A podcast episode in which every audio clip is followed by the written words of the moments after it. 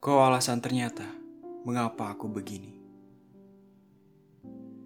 Menjadikan setiap detik dengan rinciannya, penuh dengan rindu yang muncul tiba-tiba. Tanpa mengetuk pintu. Tidak sopan memang. Tapi aku tak berdaya untuk menegurnya. Seakan aku menikmati setiap sesaknya yang semakin meninggi mengalahkan sabarku ini. Ini mungkin sisi terburuk dari keindahan yang aku alami. Keindahan yang berawal dari jiwa, bukan dari mata.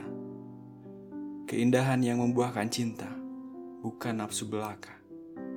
Ya, kau yang menjadi alasan mengapa aku begini.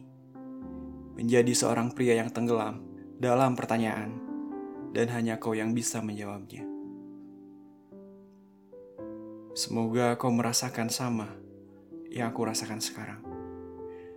Bukannya mau agar reda kita terasa sesak, tapi aku tidak sendiri menjalani keindahan terburuk ini.